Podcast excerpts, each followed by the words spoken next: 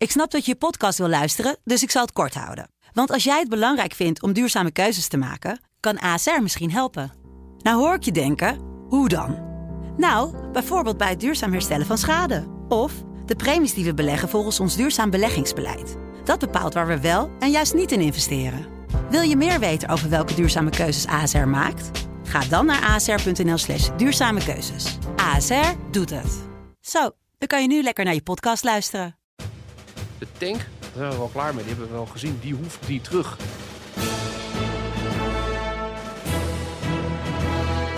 Dit is Delta Tango, de defensiepodcast van de Telegraaf.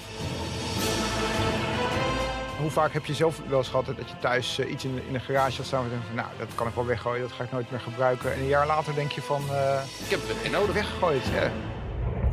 Initiating the counterattack. And they in the upcoming minutes, dominate battlefield.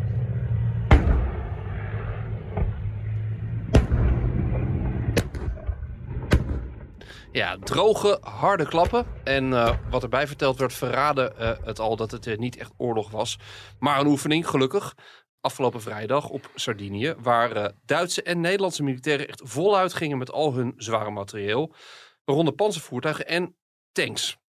Dit is Delta Tango en vandaag spreken we over het zwaarste wapen van de landmacht dat terug van weg geweest lijkt te zijn. Mijn naam is uh, Olaf van Jolen en in de studio is uh, defensieverslaggever Silvan Schoonhoven. Silvan, uh, welkom. Ja, dat zijn opnames die we net hoorden, die heb jij zelf even gemaakt, uh, want jij was daar bij die grote oefening. Om te beginnen, wat voor een oefening was dat precies? Nou, waar we naar keken afgelopen vrijdag op Sardinië was eigenlijk het slotstuk van een veel grote oefening. Die ging over logistiek en hoe breng je alle losse elementen van de NAVO-flitsmacht allemaal naar dat eiland toe, per boot, per vliegtuig en voor zover het kan over de weg. Maar het slotstuk was dus een grote live fire oefening. En daarbij werd wel echt heel veel uit de kast getrokken hoor. Ik, uh, ik weet of jij ooit zo'n uh, demonstratie hebt gezien waarbij 50 verschillende munitiesoorten werden verschoten. Oh. Uh, je, hebt het, ja, je hebt het dus over vliegtuigen, helikopters, panzervoertuigen, mortieren, de panzerhouwitser vuurde in de verte. En het hoogtepunt was toch wel het oprukken van die linie Leopard 2 tanks, vurend en wel naar ja, de heuvel waar dan volgens het scenario de vijand zich schuil zou houden. En ik moet je zeggen, dat is toch wel echt wel een indrukwekkend gezicht. Als je zo'n rij tanks met volle vaart naar voren ziet, ziet gaan met al die vuurkracht, die, die mondingsvlammen, meterslange mondingsvlammen, enorme knallen die je echt voelt trillen in, in de grond. Je voelt de luchtdruk eh, op de plek waar je, waar je zit.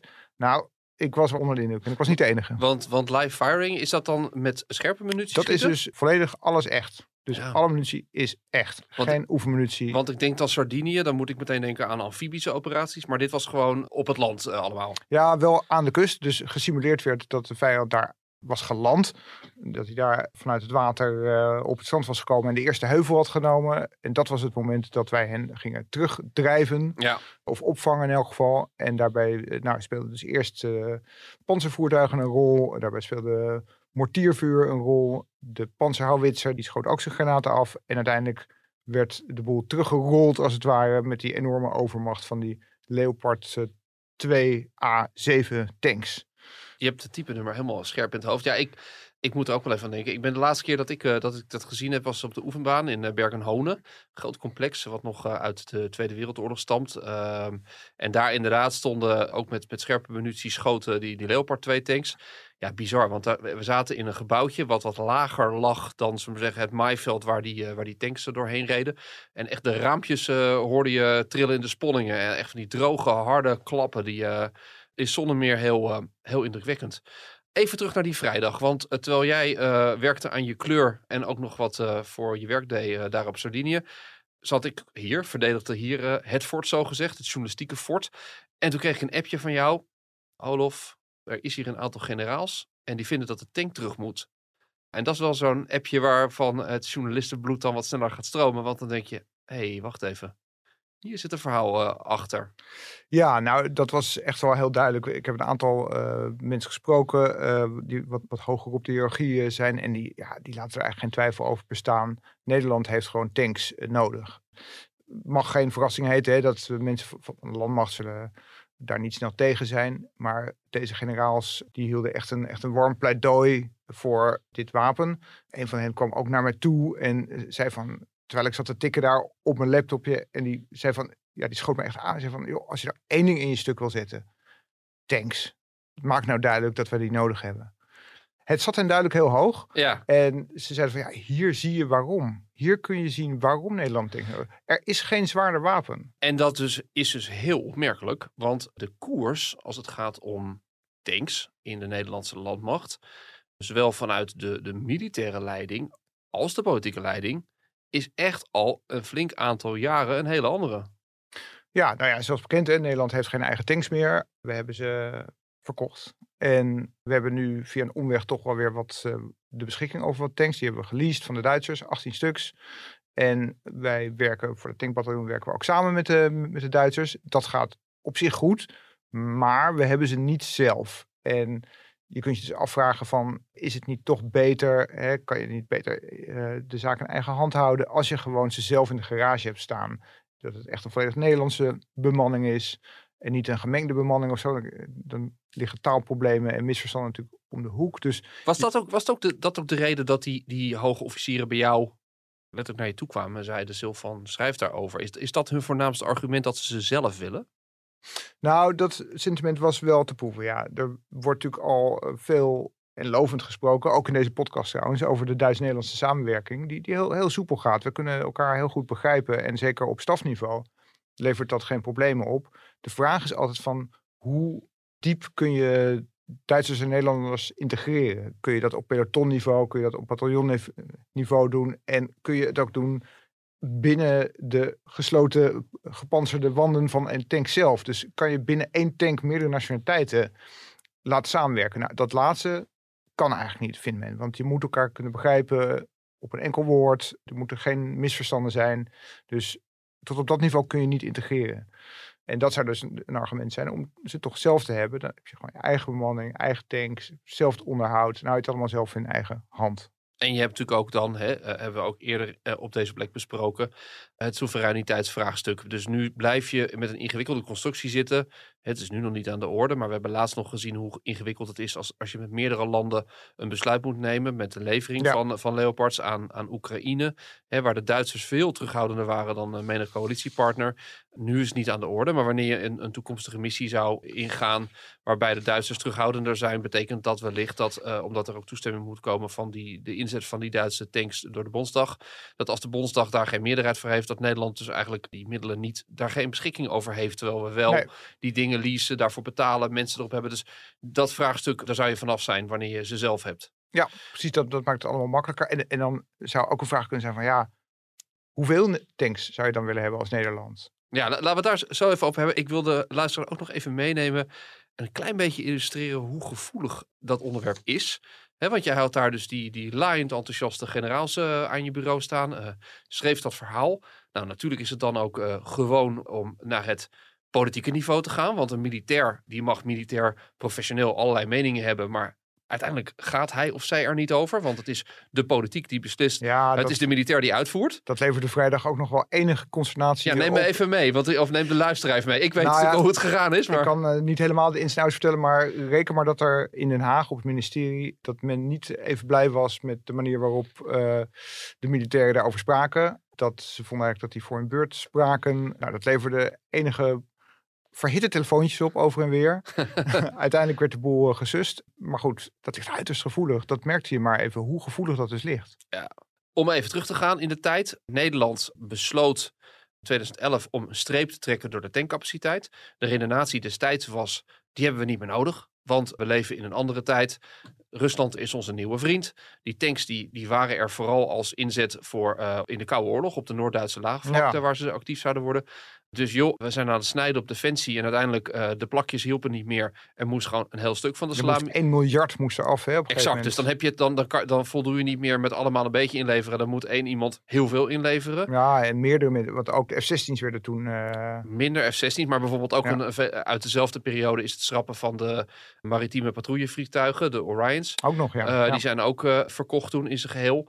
Toen werd besloten van, joh, Nederland, we stoppen met tanks. Want andere tijden, we hebben een, een expeditionaire krijgsmacht die over de hele wereld wordt ingezet. Dus ja, wat moet je dan met die, die zware joekels? Eh, dat past ook niet bij peacekeeping, bij, bij uh, Nee, opbouwmissies. want eh, in Afghanistan bijvoorbeeld konden ze niet mee. Hè? Daar hadden we wel de panzerhouwitser mee. En wel diverse panzervoertuigen. Maar er waren geen tanks mee. Het was een beleidskeuze, hè? Ja, Dat is een beleidskeuze geweest omdat ze vonden dat dat te onvriendelijk zou te overkomen. agressief komt het Ja, over. Dus die kan, je, die kan je er daar niet bij hebben. Dus ja, ergens is het ook wel begrijpelijk dat men die tank toen geschrapt heeft. Want daar, daar hangt ook nog wel een flink kostenplaatje aan. Het kost echt tientallen miljoenen om, om die dingen rijdend te houden. Het is gewoon eh, duur en arbeidsintensief om ze aan de gang te houden. En dat, dus ja, ergens is het wel, wel te begrijpen. Vanuit de logica van 2010, 11 Ja, ja. snap je dat, hè? Nou, zeker als je kijkt in het internationale perspectief. Hè? Want nu is er een enorme herwaardering van de tank.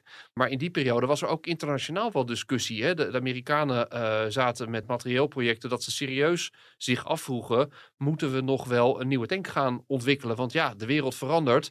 We gaan gevechten voeren over steeds grotere afstand. Ja, Wat moeten we met dat oude ding? Wat in feite een actieradius heeft als het gaat om of in ieder geval een, een, een, een bereik met zijn geschut van, van 5, 6 kilometer. Dan heb Ja. je het wel gehad.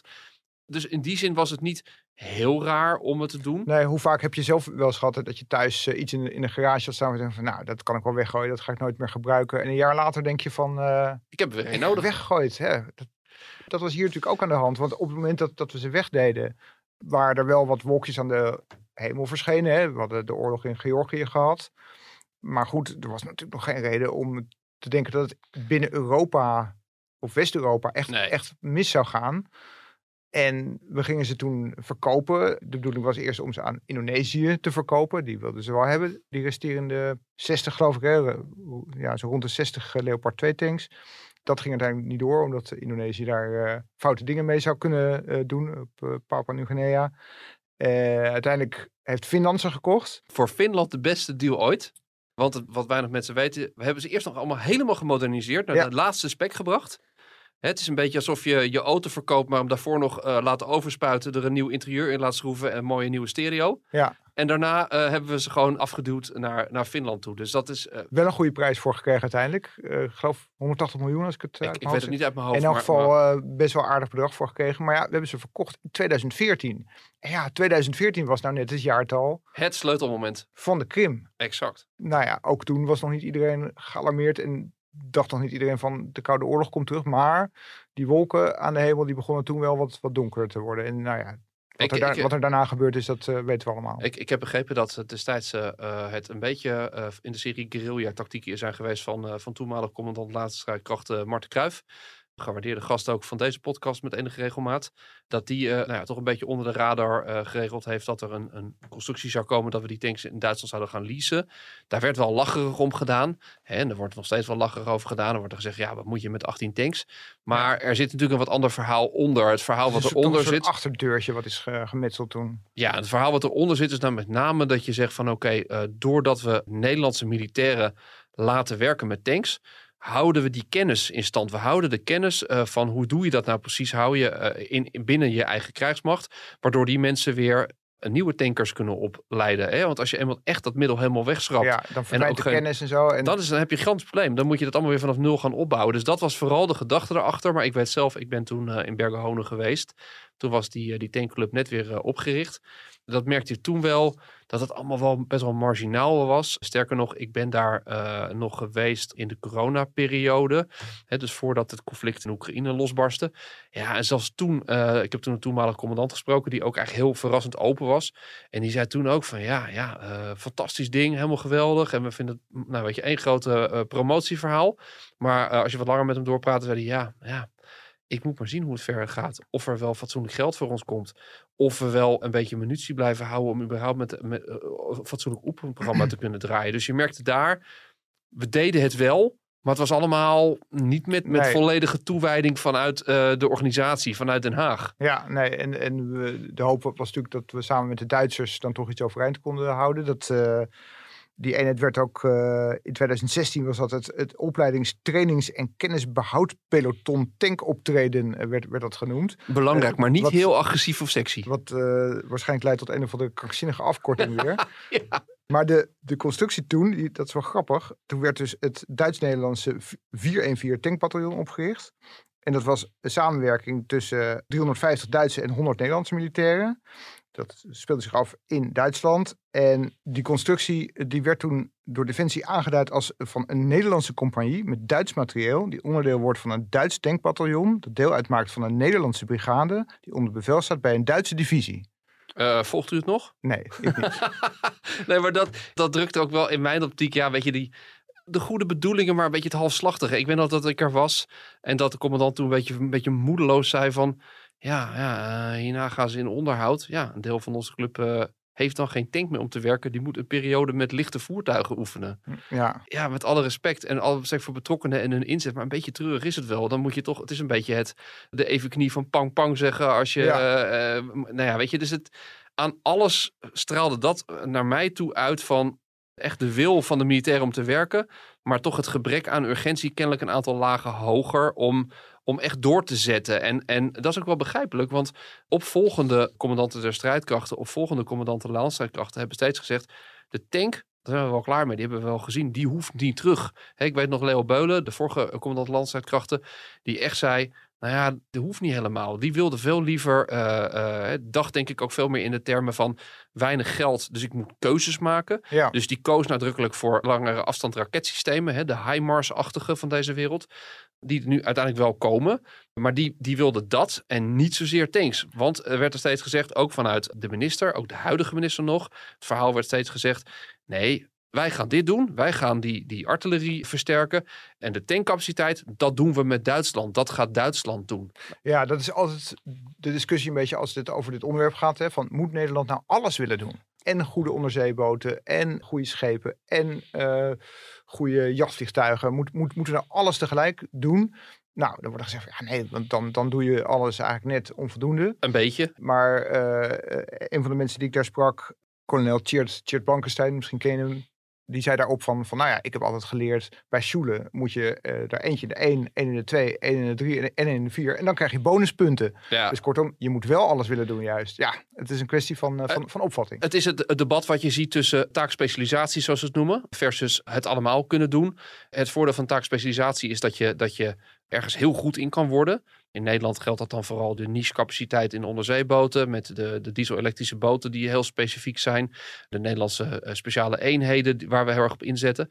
Maar als je heel reëel bent, die taakspecialisatie is ook een beetje een, een manier om ehm, verstoppertje te spelen. Want je zegt, we gaan heel goed worden in een paar dingen en de, en de rest laten we dan zitten. Ja. Maar daar waar je dan voor kiest, het is ook een manier om, volgens de critici, om vuile handen te voorkomen. Vuile handen, precies. Hè, dat, want ja. want, Ja. want eh, het is hartstikke mooi om met een onderzeeboot rond te varen. Nou, die ziet niemand. Dat is, ligt, politiek Ja. ligt het ook niet zo gevoelig. Tenzij je daarmee per ongeluk eh, een Russische haven binnenvaart of eh, wat anders doms doet.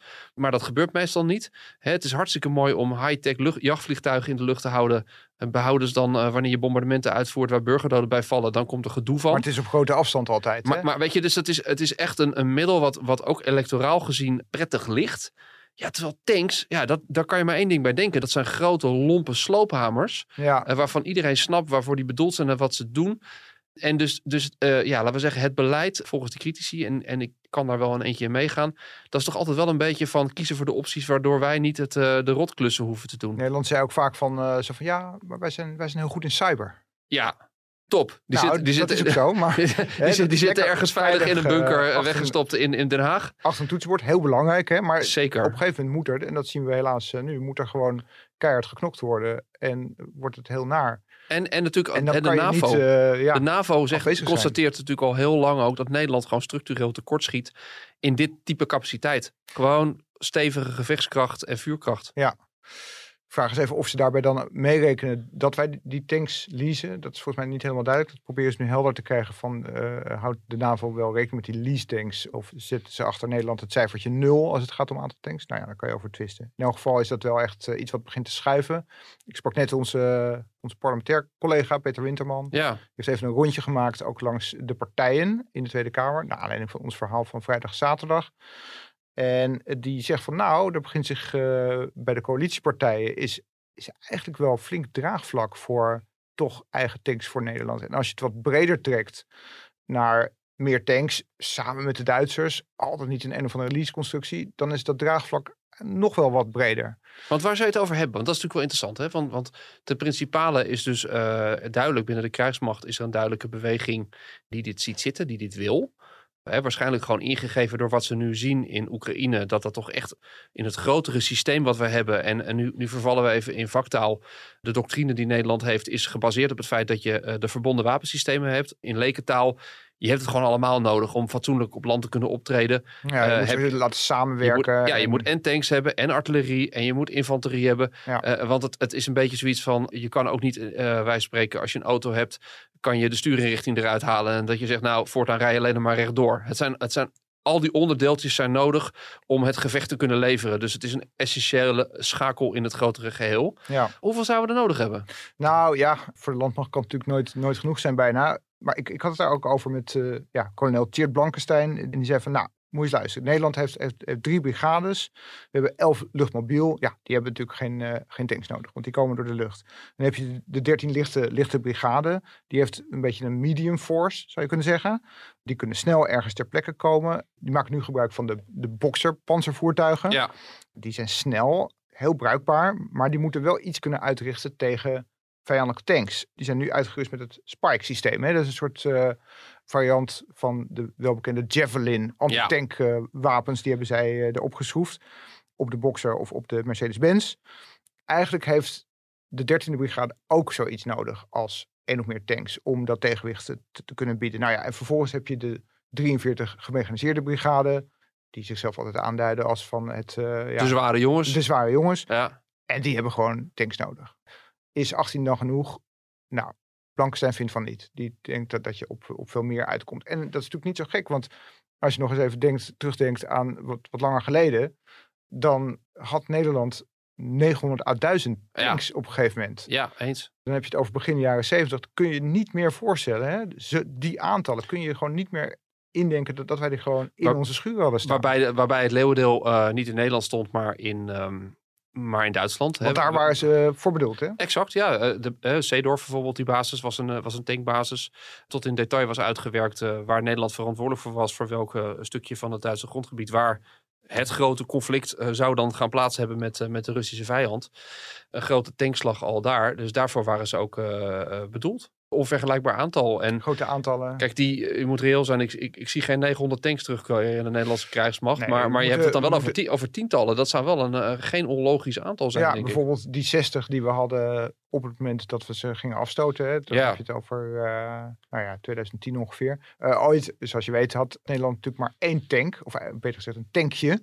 Want we hebben ooit... Dat klinkt enorm lief, een tankje. Nou ja, dat, dat doet uh, terugdenken aan die serie. Hallo, hallo. Uh, my, my Little Tank. Uh, maar dat klopt ook echt. Want, Nederland had, had toen een tankje. Die hebben ze volgens mij in de jaren 20 gekocht. Eind jaren 20 gekocht.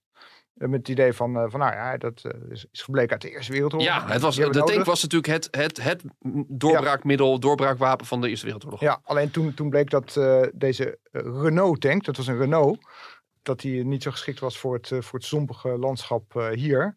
En vervolgens heb, hebben ze dat, dat ene tankje hebben ze eigenlijk gebruikt als een soort, als een soort testmiddel. Hmm. Om te kijken van kunnen tanks door onze waterlinie heen breken, ja of nee. Dus ze, ze gebruikten dat tankje om uh, ja, te gaan waden door uh, stukken onder water gezette grond. Om te kijken van uh, ja, hoe ver kom je dan? En, en? dan? en dan bleek bijvoorbeeld dat zo'n tank dus bij de eerste de beste sloot ondersteboven ging. Hoestend en proestend. Hoestend en proestend. En dan moest hij weer worden opgevist. Ah, zielig. Schoon, bijna zielig voor het tankje. Schoongepoetst. En je kent misschien nog, nog dat filmpje uit de meidagen van 1940, toen het Nederlandse leger liet zien wat voor materieel ze hadden tegen de vijand die natuurlijk aan het opstaan uh, was.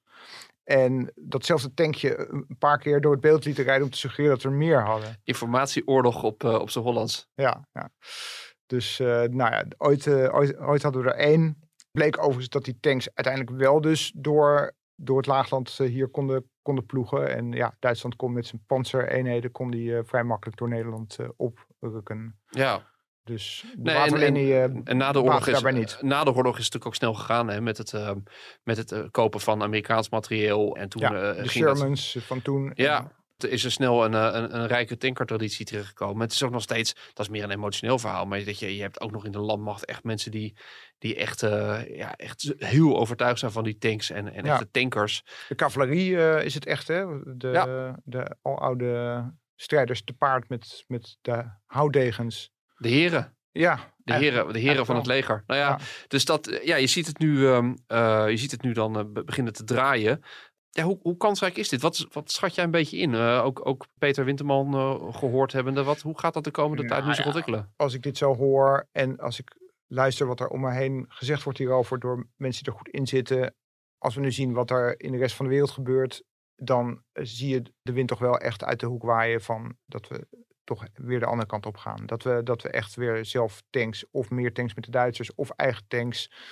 Ik krijg wel eh, hele duidelijke signalen dat men aan het draaien is op dit punt. En dat Ja. we ze dus weer terug kunnen verwachten misschien. Dan komt er En misschien snel, toch weer waar moet je dan aan denken? Wat voor tijdsvat? Of is dat nog niet duidelijk? Nee, dat is, dat is nog niet duidelijk. En ja, echt korte termijn bestaat denk ik niet in dit terrein. Want ze moeten ook nog eh, gemaakt en geleverd Ja. worden. En later nou net op dit moment eh enorm behoefte zijn Heel aan, veel eh, gegadigden, ja. de Leopard 2 in liefst de, de meest moderne uitvoering. Dus ja, het is maar de vraag wanneer die beschikbaar zijn. En ja, je, je weet ook niet, op een gegeven moment kan ook die belangstelling voor, die tank weer verflauwen. En dan kan men alsnog zeggen van ja, misschien is het toch wel een beetje een verouderd eh, wapen. Hebben we het echt wel nodig en hebben we dat geld er wel voor over? Dus ja, het blijft een soort golfbeweging. Alleen zitten we nu duidelijk op een moment van de golf die, Die ten is- gunste is van de, van de Ja, tank. de, de, de koers van de, van de tank heeft in tijden niet zo hoog gestaan als, eh, als nu. Klopt. En er zit natuurlijk ook nodig aan vast. Want als je dit weer zou willen, eh, je hebt het niet alleen maar over bemanningen die, eh, die hiermee kunnen werken. Maar je hebt het ook over een, een, een complete logistiek die erachter weer moet worden Ja. opgebouwd. Werkplaatsen, warehouses met, met reservedelen die beschikbaar moeten zijn, die je Ja, moet gaan je doen. moet de monteurs ook maar weer voor weten te vinden. Want dat is natuurlijk overal Ja. bij Defensie een groot probleem. Het is echt een grote- Technici en monteurs grote vinden. keten die eraan vastzit, wil je zo'n middel eh, hebben en ook gewoon goed kunnen inzetten. Dus daar, eh, daar, dat zal ook eh, zijn tijd kosten om dat te gaan doen. De tank. Nou, ik weet vrij zeker dat dit zeker weer niet de laatste keer is dat we het hierover hebben. Want het is een, ehm, het is een fascinerend wapen en het is een fascinerend onderwerp wat met regelmaat weer terugkomt.